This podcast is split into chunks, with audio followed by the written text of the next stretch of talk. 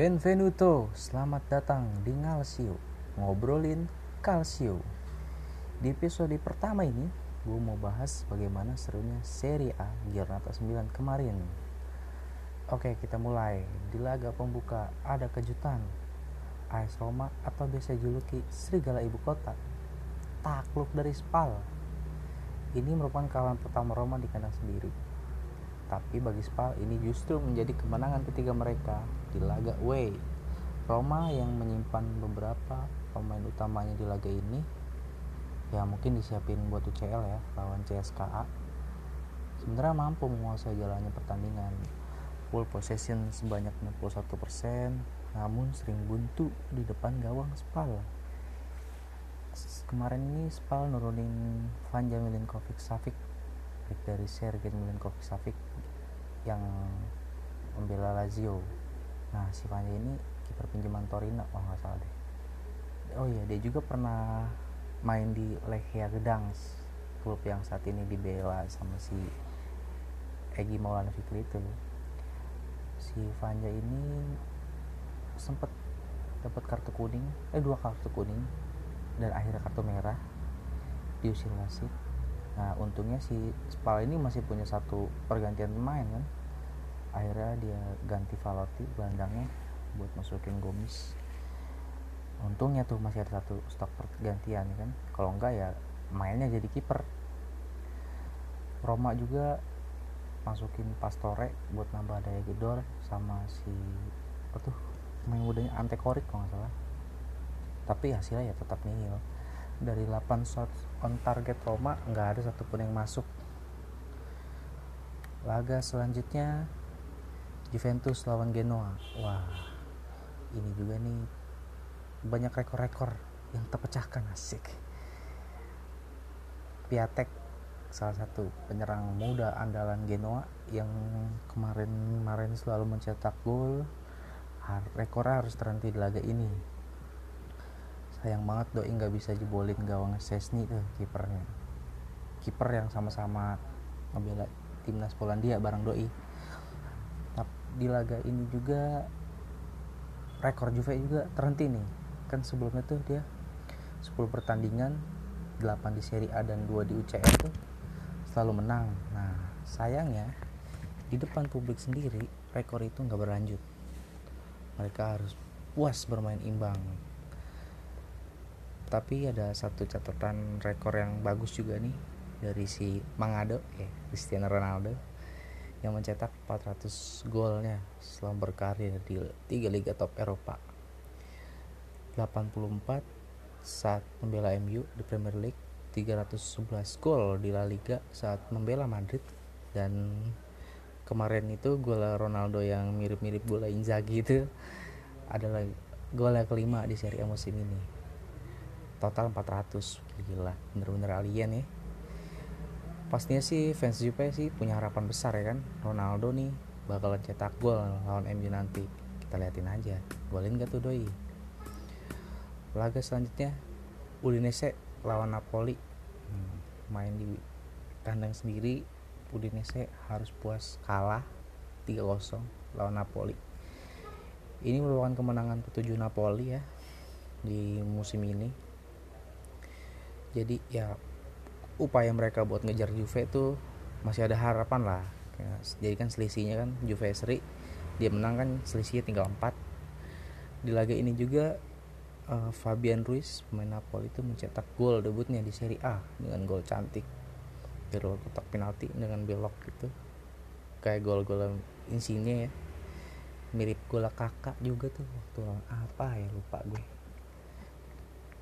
Pokoknya adalah gol kakak yang kayak gitu terus ada Frosinone lawan Empoli. Wah ini bener-bener pertandingan yang seru.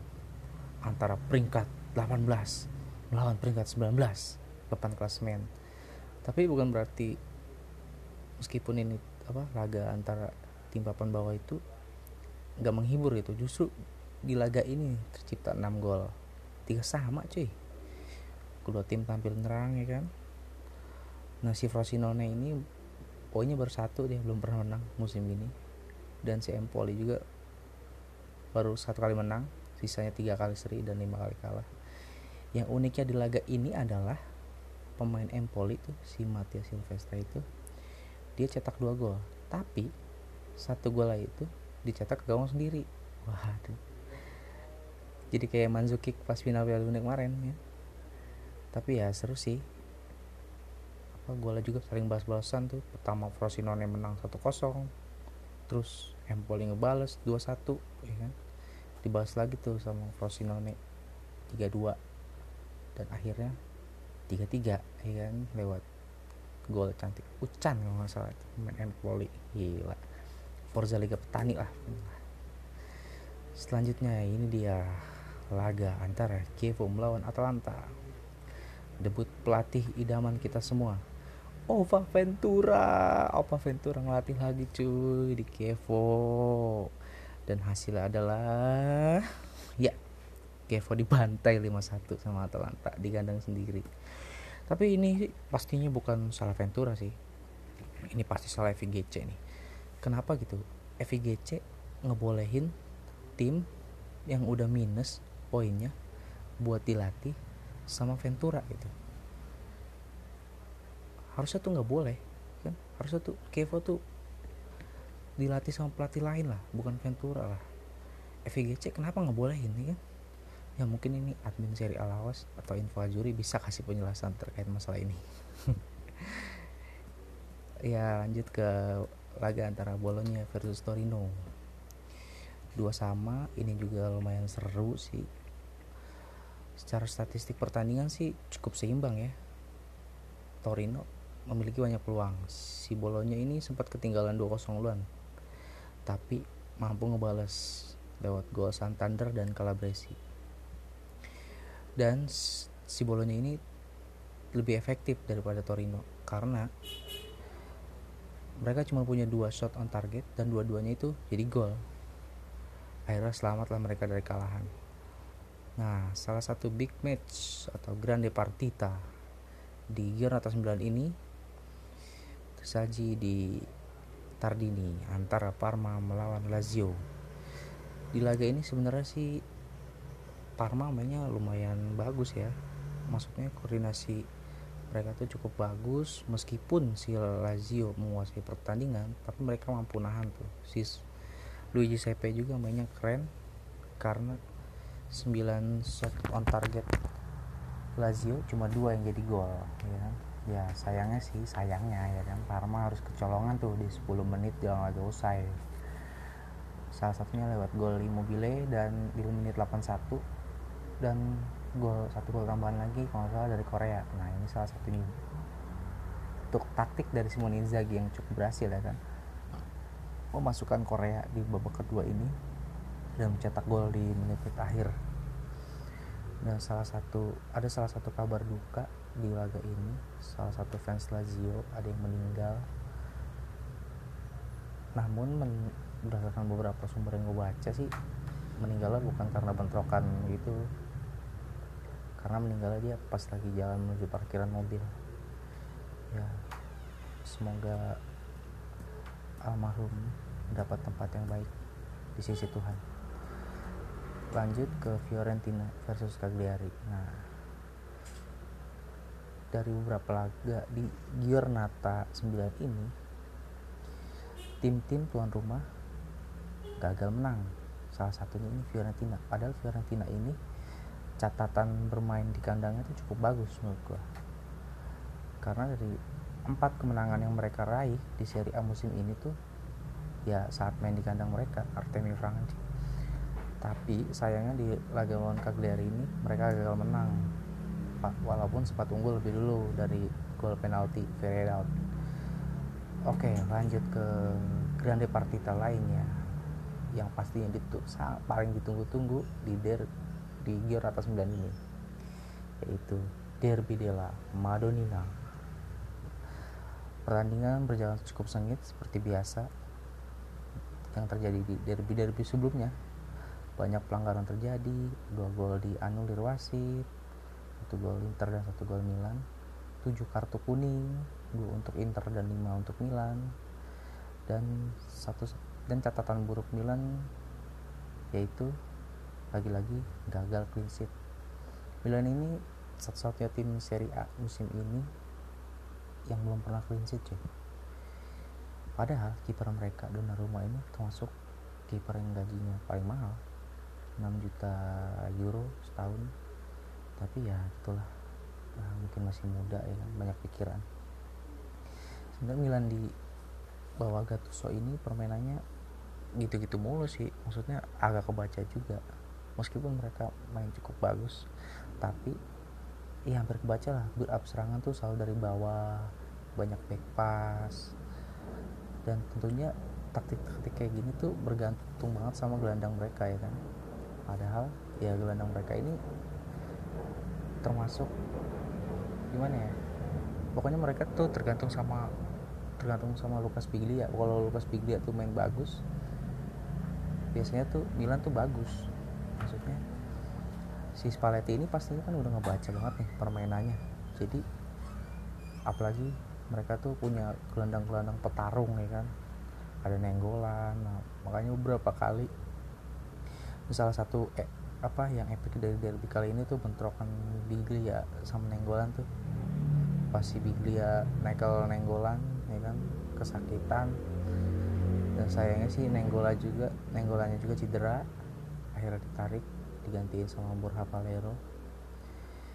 Ya Inter cukup tampil dominan sih di derby kali ini. Karena menurut gua beberapa pemain-pemain andalan Milan di lini serang tuh kayak Suso, Higuain, Bonaventura itu ruang geraknya cukup sempit. Mas dia mereka pengawalan tuh cukup ketat ya kan? Suso kelihatan banget kesusahan. Karena berkali-kali dihadang sama Samoa ya kan? Higuain juga ditempel ketat sama Skriniar. Dan Calhanoglu juga kurang berkontribusi ya kan? Bonaventura juga kurang banyak dapat ruang gerak nah tapi yang uniknya dari Inter ini ketika The Frey Skriniar dan Asamoah itu dapat tugas buat ngawal ngawal main Milan depan ini mereka tuh ngebebas ada satu pemain bertahan mereka yang dibebasin untuk mengawal dan banyak membantu serangan dari sisi kanan si Simi Versalco ini. Emang sih di laga ini banyak serangan serangan Inter tuh dari sisi kanan lapangan ya dari Versalco ini dan salah satunya yang membuahkan hasil yaitu yaitu gol Icardi itu di menit-menit akhir. Kan itu awalnya dari umpan si Kandreva terus Vecino crossing ya kan? Kayak crossing crossing dari Beckham. Nah dan diselesaikan dengan baik oleh Icardi sebenarnya gol Icardi ini sih menurut gue ya salah satu bukti kurang cermatnya pertahanan Milan ya. Musakio ketipu juga kan sama gerakan Icardi. Dan si Donnarumma salah tuh dalam baca arah bola. Jadi ya gitulah pokoknya. Kemenangan yang cukup dramatis sih karena terjadi di menit 90 plus 2 udah mau habis gitu tapi emang belakangan ini Inter emang rajin bikin gol di menit-menit akhir juga sih nah di laga terakhir seri A pekan ini ada Sampdoria lawan Sassuolo. Pertandingannya sih cukup berimbang ya menurut gua. Dan hasilnya memang imbang kosong-kosong. Sepanjang 90 menit itu cuma ada satu shot on target dari Sampdoria. Sassuolo malah sama sekali nggak nendang ke gawang. Tujuh shot yang mereka lakukan tuh cut pokoknya nggak ada yang ke gawang off target semua. Ya mungkin salah satu catatan baik di laga ini si Emil Audero kiper keturunan Indonesia yang membela Sampdoria ini lagi-lagi clean sheet. Oke lanjut deh. Nah gue mau mau ngebacain juga statistik statistik statistik seri A ini kan? Top scorer masih Piatek dengan 9 gol. Disusul dengan Immobile 6 gol Insigne 6 gol The Frail 5 gol dan CR7 5 gol.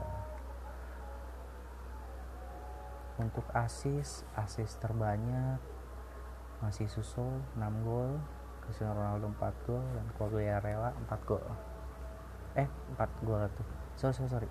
Suso 6 asis Ronaldo 4 asis dan Aguero 4 asis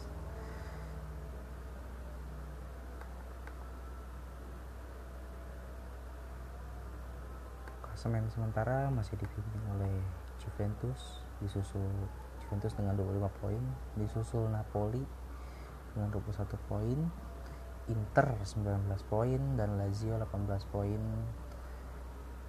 Di peringkat 5 ada Sampdoria 15 poin Fiorentina 14 poin dan Roma 14 poin.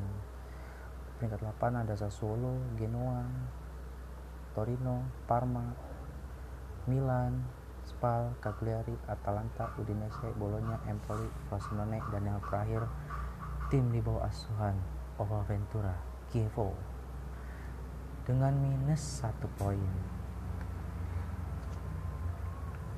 Oke, dari beberapa stadion yang dipenuhi oleh penonton,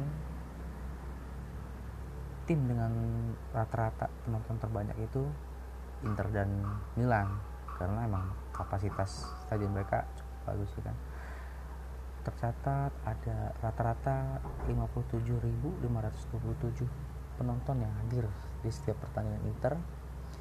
52.520 penonton yang hadir di saat Milan main. Dan Roma 40.889 disusul dengan Juventus 39, 39.615 penonton. Dan Lazio 31.750 itu rata-rata setiap pertandingannya. Kalau berdasarkan persentase kapasitas stadionnya itu yang paling bagus itu Cagliari. Cagliari itu dari kapasitas maksimalnya 16.200 penonton. Yang hadir itu setiap pertandingan itu 14.923 penonton. Disusul sama markas Spal markas Spal itu. Apa? Mereka itu kapasitasnya 15.750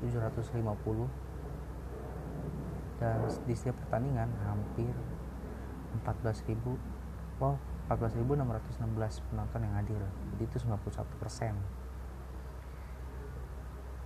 Dan juga Juventus juga hampir penuh selalu ya kan? Efek Ronaldo. Allianz Stadium itu kapasitas maksimalnya 40.563 dan rata-rata tiap pertandingan itu Juventus itu dipadati dengan 39.615 supporter atau 87 persennya. Dan yang cukup unik juga nih Frosinone Stadio Benito Stirpe markas Frosinone ini kapasitasnya ya cuma dikit sih 16.000 tapi tuh di setiap laga tuh ada 13.629 yang hadir. Jadi kan kelihatannya tuh rame kan. Tahu 80 84 persen lah dari stadion mereka. Oke? Okay. gue rasa cukup sampai di sini aja. Mau ngobrolin Casio kali ini semoga bermanfaat. Bye. Dadah 家哦。